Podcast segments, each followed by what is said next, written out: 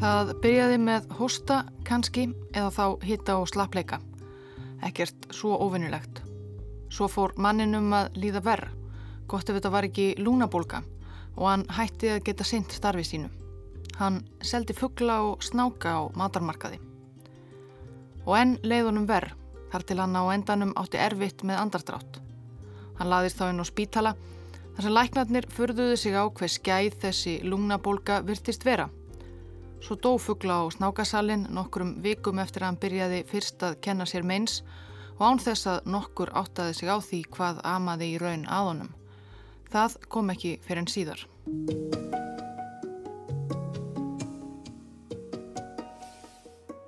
3. mars 2003 fekk Carlo Urbani símtal þar sem hann satt á svæðiskrifstofu alþjóða helbriðistofnunarinnar í Hanoi, höfuborg Vietnam. Carlo Urbani var 46 ára, fættur og uppalinn á austurströnd Ítalju en eftir að hann útskrifaðist sem læknir í upphafi nýjunda áratugar síðustu aldar hafði hann alið mannin meir og minna Erlendis. Hann var sérfræðingur í hitabelti sjúkdómum og farsóttum og hafði unnið í Eþjópíu fyrir læknán landamæra í Kambodíu og fleiri framandi slóðum.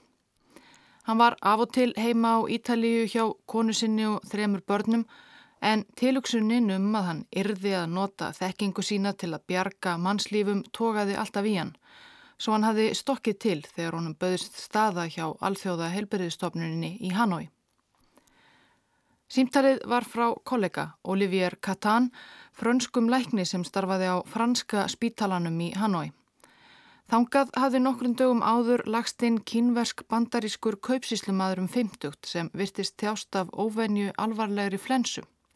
Kaupsíslumadurinn Johnny Tien var nýkominn til Hanoi frá Hong Kong og hafði valið franska spítalan því hann hafði vist litla trú á vietnamska helbriðiskerfinu og vildi helst að erlendir læknar önnuðustan. En Katan var ráðalös. En hann vissi líka að Carlo Urbani átti yfirleitt ráð undir rifi hverju og Carlo Urbani skoraðist aldrei undan. Hann settist á skellinöðruna sína og þrætti umferðarþungar götur Hanoi áleiðis í franska spítalan.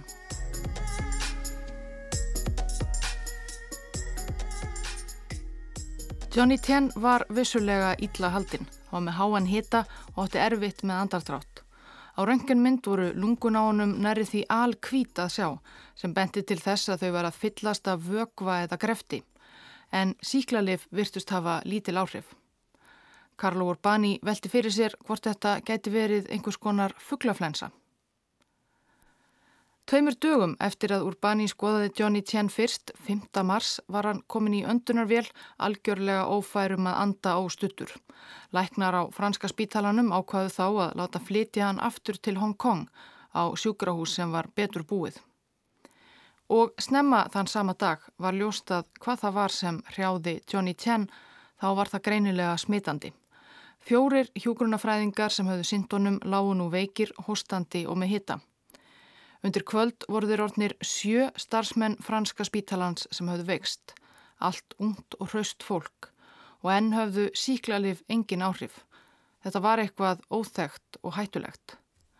Karlo Urbani tók síni úr þeim sjúku og gerði yfirbóðurum sínum hjá alþjóða heilbyrðistofnuninni viðvart. Ég var að velta fyrir mér hvort þið hefðið einhverjar upplýsingar um... 10. februar 2003 var lítið aftur í tíman. Svæðiskrifstofu alþjóða heilbyrðistofnunarinnar í Beijing barst þá tölvupóstur frá ungum manni síni fyrverandi starfsmann sem var við námi Guangzhou í Guangdong hér að því sunnanverðu Kína upplýsingar um undarlegan smittsjúkdóm áþekkan lúnabólku sem hefur þegar valdið dauða hundruð manna í Guangdong á einni viku. Það bannað að tala um farsóttinu ofinbegla í fjölmiðlum en það er panik ástand hér. Alan Snúr, næstráðandi á Beijing skrifstofunni, áframsendi postpiltsins á nokkara kollega sína en hafði ekki svo miklar áhyggjur. Það var flensu tímabil og ekkert óvanalegt að fólk dægi úr flensu á þessum slóðum. Kanski var þetta nýtt tilfelli af fugglaflensu sem var sorglega algeng á þessum slóðum einnig. Sjálfsagt að fylgjast með en ekkert endilega neitt að hafa of miklar áhyggjur af.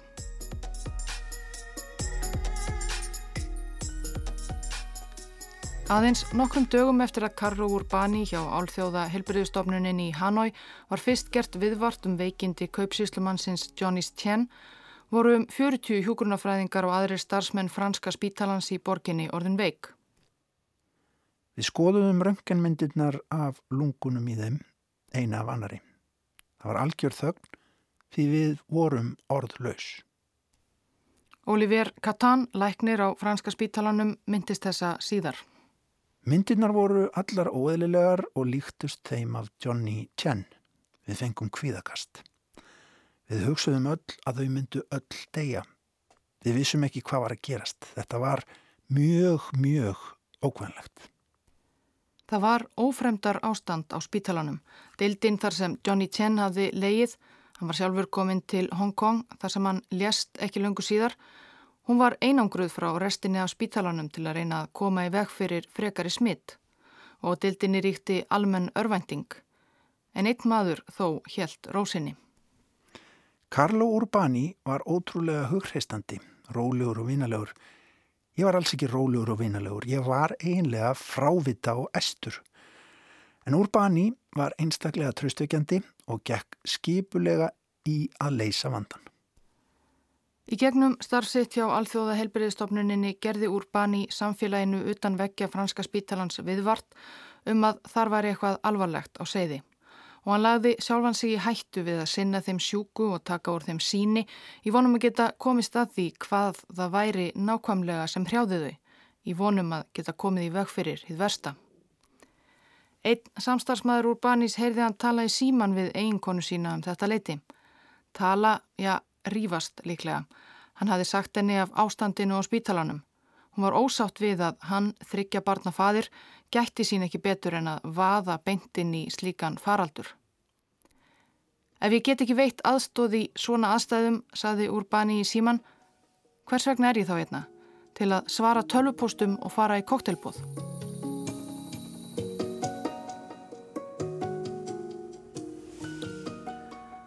Ungi skiptineminn sem skrifaði alþjóða heilbyrðistofnuninni í byrjun februar 2003 um undarlegan smittsjúkdóm í Guangdong héræði sem þegar hefði orðið hundrað manns að bana. Hann fór kannski ekki alveg rétt með, svo margir hafði þá ekki dáið. En það var laug rétt að allt frá því um áramótin hafði fólk verið að veikjast í hrönnum viðsögar um héræðið af undarlegri skæðri flensu sem fylti lungu sjúklinga af vögva og gerði þeim nær ómögulegt að ná andanum. Flensu sem hefðbundin síklarlif virtust ekki bitna á og sem smitaðist til ættingja á annara í nærum hverfi þeirra sjúku og til heilbriði starfsfólksins sem annaðist á. Í februar byrjun höfðu meira en hundrað manns þegar smitast og fregnir af faraldrinum voru farnar að berast út meðal almennings. Það voru áramót sangkvæmt kínversku tímatali, ár róttunar að ganga í garð, en sjúkdómurinn varpaði skugga á hátíðahöldin. Rætur, indigójurtar, etik og annað sem verja á gegn síkingum sangkvæmt kínverskri þjóðtrú ruku upp í verði eða seldust einfallega upp. Það var lítið fjallaðum málið í fjölmiðlum fyrstum sinn, en 11. februar helt varaborgarstjóri hér aðs höfuborgarinnar Guangzhou bladamannafund. Vissulega geisaði faraldur í borginni af því sem hann kallaði óvenjulegri lungnabolgu og meira en 300 hefðu smittast. En yfirvöld hefðu fullkomna stjórn á aðstæðum, sagðan, og það væri ekkert að ótast.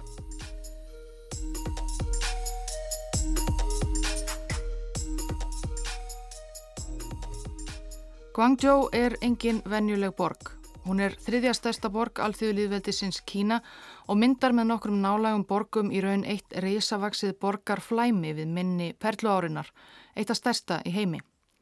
Hún á sér langa sögu, í gömlum vestrænum heimildum var þetta svæði kallað Kantón, enda mikilvæg hafnarborgum aldir og ár þúsund.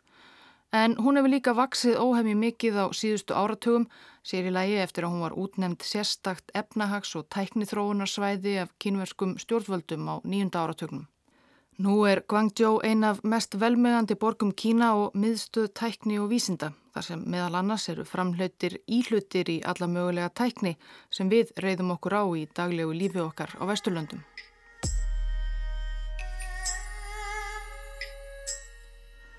Við minni perlu áreinar er líka annað sérstatt svæði sem er í raun innrammað af borgarflæminu Guangzhou og nágræni, kínverska sjálfstjórnarsvæðið Hong Kong. Í vinsælu verslunarkverfi Mongkok á Kowloon, þeim hluta Hong Kong sem er á meginlandinu, ekki eiga, þar stendur stort næri 500 herbergja hótel, Hótel Metropol hétta þarna.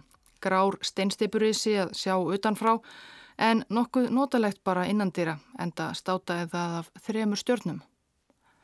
21. februar 2003 tjekkaði Liu Jianlun sig inn á Hotel Metropol og fekk útlutað herbergi 911 á nýjundu hæð.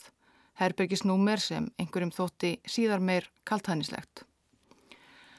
Liu Tianlun var 64 ára gammal læknir, sérfræðingur í öndunarfæra sjúkdómum og hafi komið með rútu þennan frekar stutta spöl frá heimaborg sinni Guangzhou til að fara í brúðkaup frændasíns.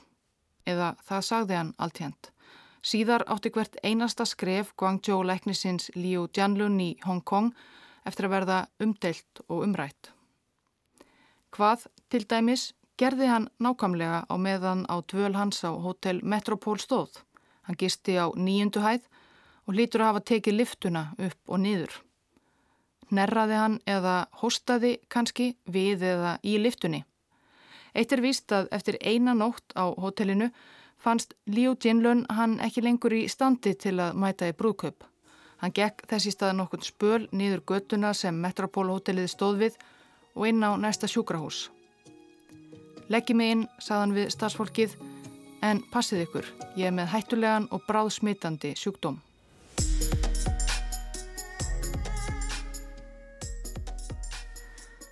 Starsfólk á Kvongva, spítalanum í Hong Kong, vissi líklega ekki hvaðan á sig stóð veðrið en Liu Jianlun mátti vita að hann var í hættu statur. Því sjálfur hafði hann meðhöndlað sjúklinga með hérna óvenjulegu lungnabólgu á vinnustað sínum í Guangzhou. Einhverjir sökuðu hann síðar um að hafa alls ekkert verið á leið í neitt brúðkaup, heldur hafi hann, þegar hann áttaði sig á því að hann hafi sjálfur smittast, notað það sem afsökun til að koma sér á fítna sjúkrahús í Hong Kong. Ekkert verður fullist um það hér. Liu Tianlun varð fljótt þungt haldinn og lést á Kongva spítala 4. mars. Eitt er ljóst og það er að þó hann hafi bara gist eina nótt á Metropol hotellinu hafði það afdrifaríkar afleðingar um heim allan.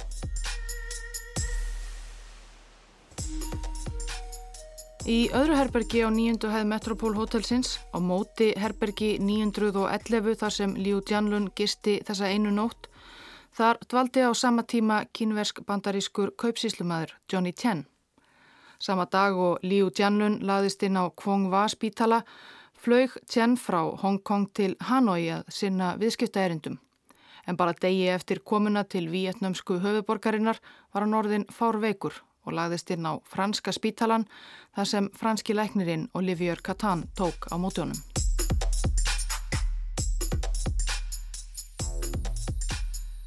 Kwan Sui-Chu var eins og svo margir einstaklega hrifin af afsláttum og tilbóðum. Hún var því híminn levandi þegar henni og eiginmanni hennar böðst í gegnum flugfélagið sem þau flugum með frá Toronto til Hong Kong að gista heilar fimm nætur ókipis á þryggjastjörnu hóteli. Kvan Sui-Tjú var 78 ára og þau hjónin voru að heimsækja uppkominn svonsinn í Hong Kong. Eflaust hefðu þau gist hjá honum ef ekki fyrir þessa miklu hefni og hver vill ekki ókipis hótelgistingu. Kvan hjónin fengu herbergi á nýjundu hæð Metropol hotelsins í Mongkok. Ljómandi fínt hótel og og þegar Sui Tjú snýri aftur heim til Toronto 23. februar 2003 gortaði hún sig af því við vini og ættingja að fríið þau þið valla kosta þau hjónin eina einustu krónu. Þremur dögum eftir heimkomuna, sama dag og Johnny Tien var lagður inn á franska spítalan í Hanoi, fór Sui Tjú að finna fyrir slappleika, beinverkjum og hosta. Var svo verri með hverjum deginum. Annan mars komst hún ekki lengur fram úr rúminu. Maðurennar, börn og frendfólk stumruðu yfir henni áranguslaust og með háan hitta og átti erfitt með andardrátt og 5. mars lést hún á heimilisínu í Austurborg, Toronto. Hún var 78 ára og hafi lengi glimt við sigursíki, Það þótti ekki ástæða til að rannsaka dauða hennar nánar. En daginn eftir andlátt hennar voru þrýr ættingjar sem höfðu synt henni hinstu stundirnar, annar sonur, tengdadóttir og barnabarn, líka farin að kenna sér meins í hálsi.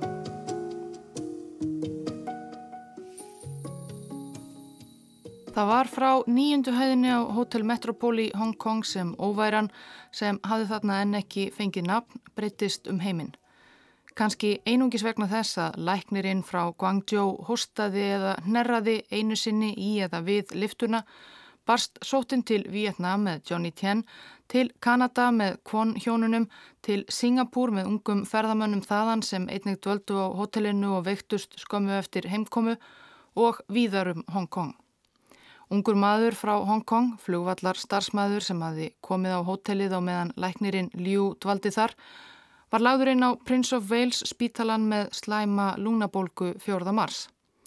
Skiljanlega vissi starfsfólki þar ekki hvað raunverulega amaði að ungamanninum eða að það væri bráð smitandi.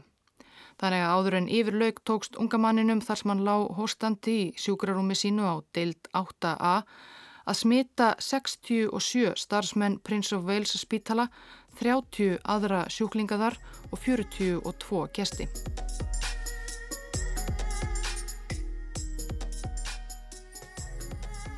11. mars 2003 voru tíu dagar liðnir frá því að Carlo Urbani var kallaður út á franska spítalan í Hanoi fyrsta sinn. Hann hafði unnið myrkrana á milli æsíðan og þeist á skellinöðrunni sinni þvert yfir borgina með blóð og vefja síni úr þeim sjúku á rannsóknarstofur. Þar sem hann ítrekkaði alltaf við starfsfólk að þarna væri líklegast eitthvað mjög hættulegt á ferðinni. Það var ljóst á því hvernig umhors var á franska spítalanum. Tugir starfsmanna voru orðnir veikir, svo margir að það voru fáir eftir nú hraustir til að sinna þeim sjúku. Sem betur fer bættust engir aðrir sjúklingar við. Ástandið á spítalanum hafði spurst út og hann á í búar þorðuvalla lengur að koma nálægt spítalabyggingunni. Gatan fyrir framann sem einu sinni hafi verið fjölfarin og lífleg var nú galt tóm. Starfsfólkinu innandir að spítalans leiði eins og það væri á eyðiegju.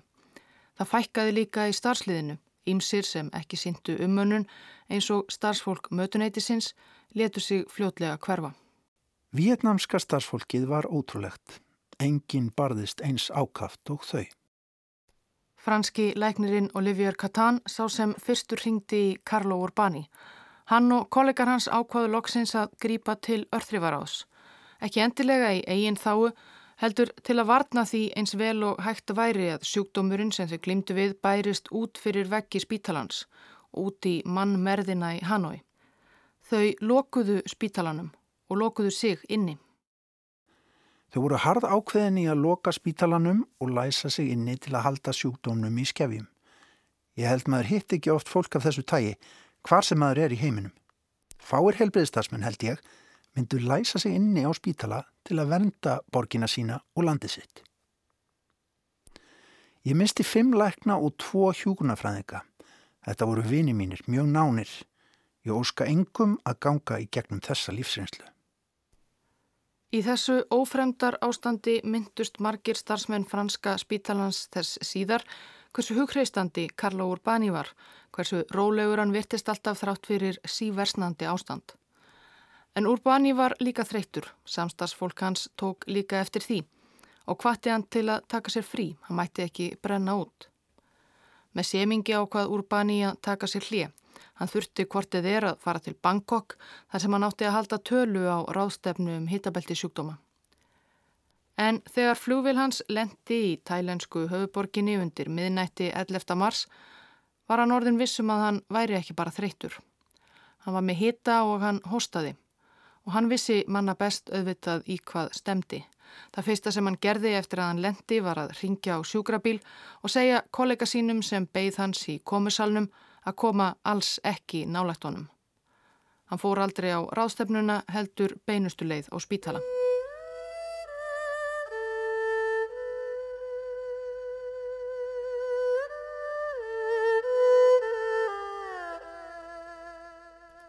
Það var ekki síst fyrir sleitulust starf Carlos Urbani sem alþjóða heilbriðistofnunin gæt lagt saman 2-2 og tengt saman fregnir af dölarfullum flensu eða lúnabólgu faröldrum í sunnanvörðu Kína, í Hongkong og í Vietnam. Doctors in this country and others around the world are rushing to identify a deadly mystery illness. There's a new outbreak. The control measures don't seem to be working. There's no vaccine to prevent it, and researchers around the world say no cure is likely anytime soon. 12. mars 2003 gaf stopnunin út heimsviðvörun vegna faraldurs óvenjulegrar lungnabólgu í Kína og víðar. Þetta var í fyrsta sinn í 55 ára sögu stopnunarinnar sem slík heimsviðvörun var gefin út. Í henni var tíunda það litla sem vitað var um faraldurinn, hvar hann geysaði, hversu margir hefðu smitast og hvað var hægt að gera. En var óvíst nákamlega hvað þetta var, svo það var ekki hægt að gera meira en að mæla með að sjúklingar væru hafðir eins einangraðir og hægt væri og ítrustu öryggisreglum fyllt til að koma í veg fyrir smitt. Það virtist ekki þurfa mikið til. Það var nóg að líta á franska spítalan í Hanoi eða Prince of Wales í Hong Kong til að sjá það, þar sem einstakir sjúklingar hafðu smitað hjógrunafræðinga og lækna í hrönnum. Ástandið var ekki mikið betra á Kwong Wa spítalanum í Hong Kong, þar sem gesturinn á nýjundu hæð Hotel Metropol, læknirinn Liu Jianlun, lág. Þrátt fyrir að hann hefði reynd að vara kollega sína þar við, hafði hann smitað um 70 starfsmenn spítalans. Sónur Kwan Sui-Chu, gömlu konunar sem hafi fengið ókipist völ á Hotel Metropol, leitaði ekki löngu eftir dauðamóður sinnar á bráðamótöku Scarborough spítala í Toronto með háan hitta og þurran hosta. Hann var lagður inn og þar lést hann 13. mars. Starsfólk spítalans grunaði að vegna tengsla hans til Kína getið hann verið með bergla eða annan smittsjúkdóm og hafði því varan á þegar þau meðhundluðan en engin vari var hafður á þegar hann satt og beigð á byðstofu bráðamótökunar. Þar tókst honum að smita einn mann sem satt og beigð með honum og þegar sámaður var svo lagður inn á annan spítala í Toronto borg smitaði hann tugi manna.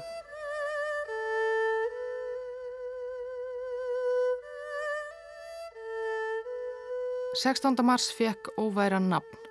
Engin vissi enn nákvæmlega hvað þetta væri eða hvað illi en ákveðið var að gefa henni lýsandi nafn.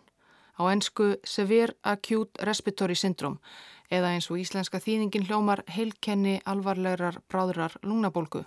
SARS var skamstöfunin sem notuð var víðast hvar hafl á íslensku.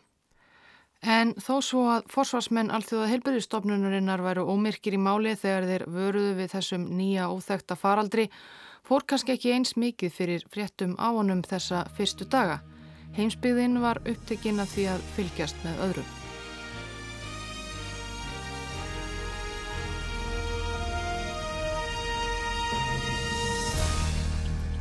Miklar sprengingar hafa verið í Bagdad höfuborg Írak síðustu mínútur og loftvarnarflautur eru blásnar. Fólk heldur sig innan dyrra og býst við hennu versta. Bandaríkjaman og breyta réðust strax í dögun á Bagdad og var tilgangurinn að granda Saddam Hussein. Bandaríkin og hinnar viljuðu þjóðir réðust inn í Írak 20. mars 2003. Fátt annað kom stað í fréttum næstu dagana. Á meðan sprengjunum ringdi yfir Bagdad voru læknar og vísindamenn að reyna að komast að því hvað þetta væri sem herjaði á sífelt fleiri og fleiri í Kína, Hongkong, Vietnam, Singapúr, Kanada og faraldurinn hafði þarna einning borist til Tæfan og tilfelli komið upp hér og þar annar staðar. Rannsóknir fóru fram á öllum þessum stöðum og víðar og vísindamenn deildu upplýsingum sínum og kenningum í gegnum sérstatt vefkerfi sem Alþjóða heilbriðistofnunin setti upp og á reglulegum símafundum. Sama dag og Írakstriðið hófst tókst þeim að rekja för faraldursins aftur til nýjundu hæðarinnar á Metropolhotellinu í Hong Kong og þaðan með lækninum Liu aftur til Guangzhou í Kína. 20. og annan mars komust vísindamenn við Hong Kong háskóla og sóttvarnamiðstöð bandaríkjana að því samdægur sem hvorir í sínu lægi hvað þetta var sem herjaði á allt þetta fólk og hafði þá þegar valdið mörgum döðsföllum. Þetta var svo gölluð koronavera. Þær eru margar og verþektar, veirur sem valda yfirleitt óskunda í öndunarfærum ofur venjulegu kvefi til dæmis en geta líka valdið skæðri lungnabólgu og öðrum alvarlegum kvillum. Haflveiran, svo kallaða, var sum sé koronaveira en ekki neitt afbreyði sem læknisfræðin hafi áður komist í kynni við. Þetta var eitthvað áður óþægt.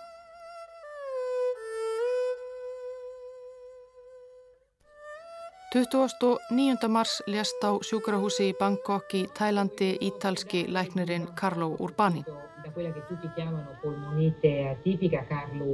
The doctor who first identified the virulent form of pneumonia that's claimed more than 50 lives around the world has himself died from the illness. Carlo Urbani worked at a hospital in Vietnam Maðurinn sem hafi manna fyrstur átt að segja á því hver mikil hætta var á ferðum þegar hann var vitnið að dauðastriði kaupsíslumannsins Johnny Tjen og því hvernig hann smitaði hvern hjúgrunafræðingin á franska spítalanum á fætur öðrum. Maðurinn sem hafi gert hvað mest til þess að vekja aðtegli heimsbyðarinnar á faraldrinum í upphafi hans og sem hafi lagt lífsitt í hættu til að reyna að koma í vegferir að hann breyttist frekar út. Alþjóða heilbreyðismálastofnunin hefur mælst til þess að fólk fresti ferðum sínum til Hong Kong og Guangdong hér að því söðun Kína vegna lungnabólgufarðarsins. Sóttvarnardeilda á landspítala í Fossvogi hefur verið standsett og gerð viðbræðs áætlun berist hinn skæði lungnabólgufaraldur til Íslands. Þegar þarna var komið sögu var jáfnvel sjálft Írakstríðið farið að víkja fyrir faraldrinum líka á Vesturlöndum en það var þá staðfest að vel á þriðja þúsund mann sögðu smittast og hátt í hundrað látið lífið. Ástandið var langt um verst í sunnanverðu Kína, Guangdong, þar sem sjúkdómsins hafi fyrst orðið vart og í næstan ágrenni í Hong Kong. Svo íðandi stórborg sem aldrei svaf venjulega var orðin óþekjanleg. Sjúkrahúsmörg, lokuð eða óstarfhæf, skólar og margir vinnustadir líka lokaðir, fólk held sér heima flugvöllurinn næsta mannlaus, neðinjarðarlestirnar og strætisvagnarnir líka. Margret Martinsdóttir á fréttastofu sjónvarpsrætti ástandið við Ólaf Magnús Guðnason danskennara sem þá var búsettur í Hong Kong. Veiran er orðin all, all, all slæm sko og fólk hefur frekar hætt núna og margir þeir úrlingar sem eru búsettir hér eru jafnvel uh, flúnir með börn sín til sín land sko. Hvað með ykkur? Uh, við höfum ákveðið að vera hérna áfram í Hong Kong. Gangið þið með grímur þegar þið farið út? Já, maður, við tökum ekki sensin öðru. Þetta er árið það alvarlegt. Öllum skólum hefur verið lokað í óum hvern tíma og það er ekki vita hvenar, uh, hvenar þeirri verður opnaðar aftur. Fólk eru varað við að fara í, sko, í neðanjarralestirnar og uh, vera kringum að mikið af fólki.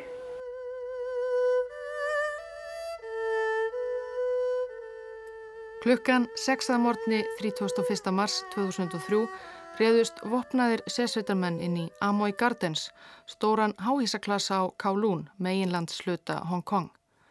Amoy Gardens, 19 lagsableikar blokkir, hverjum sig 30 til 40 hæðir, er bara eitt af ótalmörgum slíkum risa íbúðaklösum fyrir lægri millistjett í enu þjettbíla og háhísamarka Hong Kong og það var sannlega óvinnilegt fyrir þá fáu sem voru á ferlis og snemma morguns að sjá þar lauruglusveit með þungvæfni. Og í humátt og eftir svartklættu sérsveitamönnunum fylgdu svo kvítar fígúrur, menn í eituröfnabúningum með hanska og grímur fyrir vitum. Kvítu fígúrurnar fóru allar inn í eina blokkina, blokk E, og lauruglumennir röðuðu sér fyrir utan ingangin gráir fyrir játnum.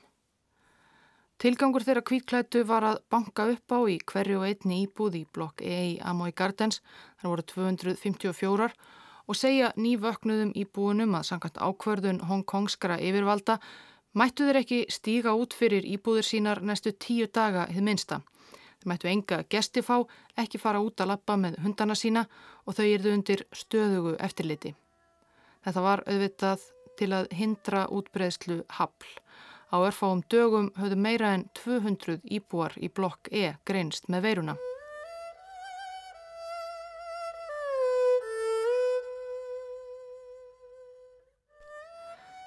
Aðeins sólarhing svo eftir að íbúum í blokk E Amoy Gardens var tilkynnt að þeir mættu ekki stíga fæti út úr íbúðum sínum í tíu daga var þeim sagt að fara. Yfirvöld höfðu skiptum skoðun til þess að geta rannsaka blokkina og mögulegar smitleiðir yrði að tæma hana alveg. Svo ákveði var að færa íbúana nauðuga í einhvers konar einangrunnarbúðir, sumarbústaða hverfi í eigu hins opimbera. Þar móttu þau dúsa næstu daga sama hvað þau mótmæltum. Eitt af þeim sjúkrahúsum í Hong Kong sem verst urðu úti í haflfaraldrinum var Prince of Wales spítalinn í þeim hluta Hong Kong sem kallaður er New Territories. Faraldurinn barst þangað eins og áður hefur verið nefnt í gegnum nýjundu hæð á Metropol hotellinu. Ungur flugvallarstarfsmæður sem hafi verið gestkomandi á hotellinu smitaðist af lækninum Liu Tianlun og sjálfur smitaði flugvallarstarfsmæðurinn svo tugi lækna, hjúgrunarfræðinga og aðra sjúklinga á Prince of Wales. Meðal annars einn 33 ára Karlmann sem við þekkjum aðeins með uppafstöfunum LTC. Hann var frá borginni Shenzhen í Guangdong en reglulegur gestur í Hong Kong og á Prince of Wales þar sem hann var nýrnaveikur og þurfti tvísvar í viku að fara þangað í himnuskiljun. Til allrar hamingju átti LTC bróður sem bjó í Hong Kong á 16. hæði blokk E í Amoy Gardens. Hann gætt gist hjá honum sem gerði þetta allt auðveldara og ódýrara. Hann gisti hjá honum eins og venjulega aðfaranótt 23. mars 2003 eftir enn eina himnuskiljunina á Prince of Wales nema þá var hann eitthvað óvenju slappur. Hann var meðal annars með niðurgang og varði lunganum úr nóttinu á Baðerberginu. Það var ekki víst þá þegar sérsveitamenn og kvítklættir sótvarnalæknar ruttust inn í blokk E í Amoy Gardens En líklegast smituðust svo margir íbúar blokkarinnar rétt eftir að hinn nýrnasjúki LTC dvaldi þar eina nótt vegna skemta í lagnakerfi blokkarinnar sem gerði það verkum að smitaðir vessar úr LTC dreifðust um bygginguna, öruglega bara í örlittlu magni en það var nótt til að smita meira en 200 manns.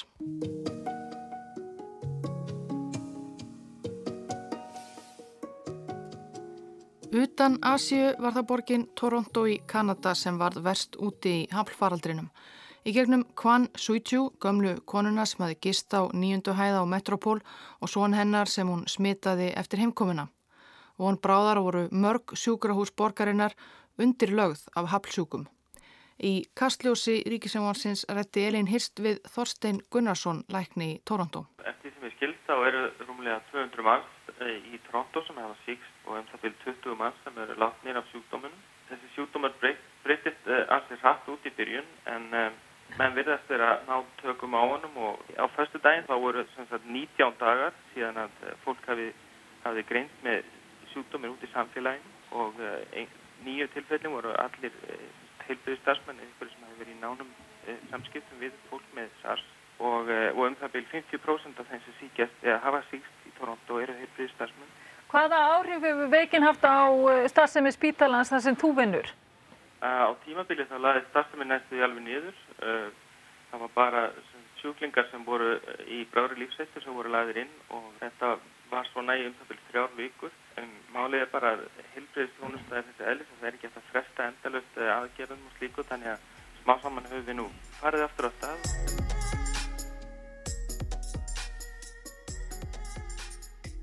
Í april helt Hafl áfram að breyðast út. Til annara landa tilvik komu upp í Evrópu á Filipsegjum, Indlandi og víðar. Veiran hafði þá þegar borist til einnar fjölmennustu borgar heims, Beijing, höfuborgar alþjóðu líðveldisins Kína, líklega með ferðamönnum frá Guangdong. Borgaríðuvöld þar heldu því lengi fram að faraldurinn þar væri ekki sérstaklega alvarlegur, í mesta lægi nokkrir töyir smitaðir, en þegar leið á april kom í ljósa smitaðir í Beijing skiptu hundruðum og borgaríðuvöld höfðu reyndað leina því hversu alvarlegur faraldurinn var. Beijing fröys á endanum eins og Hong Kong hafi gert nokkru fyrr. Skólum var lokað og vinnustöðum, enginn fór í bíó eða á veitingahús, fólk kvarf af götunum, í mestalagi einhverjar draugslegar grímukrættar hræður sem hættu sér út. Um svipaleiti í lok april var líf rétt að byrja að færast yfir Hong Kong á nýjanleik. Baráttan við faraldurinn var farin að bera árangur. Nýjum smittum hafi snar fækkað. Borgarirvöld þar voru farin að hugsa um hvernig hægt væri að bæta skadan, fylla tóman flugöllin aftur af ferðamönnum. Og meira segja íbúar í blokk E í Amoy Gardens fengu á endanum að snúa aftur til síns heima. Sama var uppi á teiningunum í Vietnam. Aðferðir Carlos Urbani og Fordn Físi læknana og hjúgrunarfræðingana á franska spítalanum höfðu skilað miklu. Víðast hvar raunar var faraldurinn í rénun og endanum einnig í Beijing. Þann 5. júli 2003, fjórum mánuðum eftir að Carlo Urbani barst símtala á skrifstofuna í Hanoi frá kollega sínum á franska spítalanum, lísti vinnuveitandi hans alþjóða heilbyrjuðstofnunin því formlega yfir að hafl faraldrinum væri lokið á heimsvísu.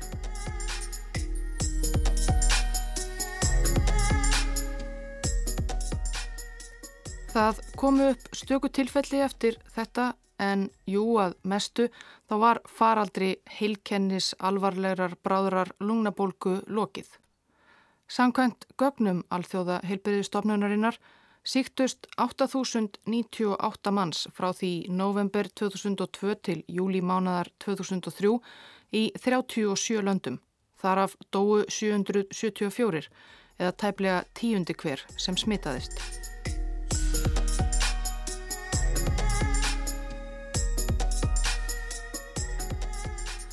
Þegar öldurnar lagði var hægt að fara að rannsaka hvaðan þessi hryllingur kom sem varð 774 að bana á tæpum 8 mánuðum. Þegar dularfulla flensan eða óvenjulega lungnabolgan eins og fyrst var talað um kom upp í sunnanverðu Kína kom það fáum sérfræðingum á óvart svo sem. Þetta svæði er þekkt sem suðupottur smittsjúkdóma. Fólki þar býr oft í miklu návíi við dýr hefur smekk fyrir kjöti af framandi skeppnum og líflegum matarmörkuðum er hreinlæti oftar en ekki ansi ábútafand. Eða eins og einn bladamæður New York Times lísti því. Í mörg hundruð þröngum básum sem að líkta af yðrum og blóði líkjast matvæla heilsulutnar oftar en ekki hreinustu dýragörðum með öllu því sem að hafnar svo á matarborðunum í Guangdong. Snákar, hænur, kettir, skjaldbökur, greiðingjar, froskar. Þeim er raðað einu ofan og annað í búrum sem að síðan eru nótu sem sæti, spilaborð og matarsvæði fyrir fátæku farandverkamennina sem að vinna þarna. Fyrir koronaveiru eins og hafl er auðvelt að flytjast úr dýri í mann í eldúsum og matarbásum Guangdong. Hér aðs sem þekkt er fyrir framandi rétti úr nýslátruðum skeppnum. Vísendamönnum tókst loks að rekja faraldurinn aftur til þess sem enn í dag er talið fyrsta tilfellið, allavega það sem við vitum um, snáka og föglasölumanns á einum slíkum matarmarkaði í Foshan í Guangdong sem fekk hýtta og hósta í november 2002 og var svo lagður inn á sjúkrahús þar sem hann lést.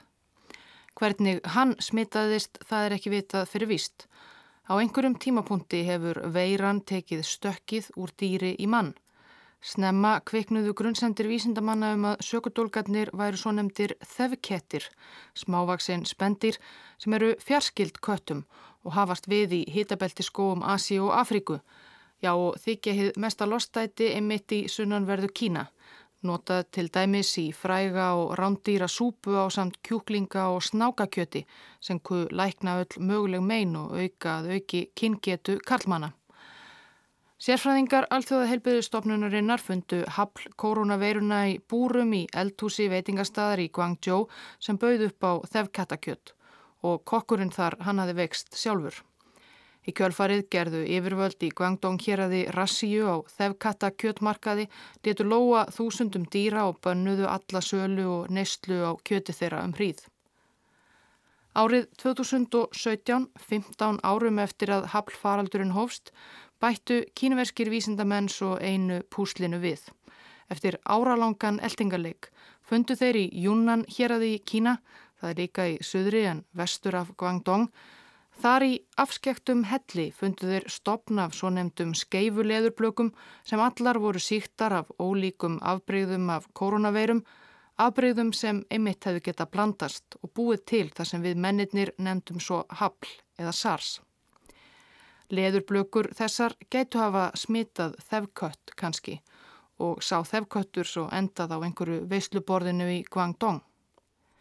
Kínverska rannsóknin fór víða í fjölmjölum þó svo 15 ár væru liðin var hryllingur hafl heimsbyðinni enn í fersku minni. En hvað máli skipti það svo sem að búið væri að kortleggja upphaf faraldurs sem var löngu búið að uppræta? Jú eins og vísindamennir við veiru rannsóknarstofnunina í Wuhan bentu á í viðtölum eftir að rannsókn þeirra byrtist ofinberlega. Það skipti máli því að öll innihaldsefnin veru enn til staðar. Þetta gæti svo hæglega gerst aftur. Hotel Metropol í Hong Kong er enn starfandi. Það heitir að vísu núna Hotel Metropark og er komið með fjóra stjörnur herbergi 911 þar sem læknirinn Liu Jianlun gisti í um árið. Það er ekki lengur í nótkunn.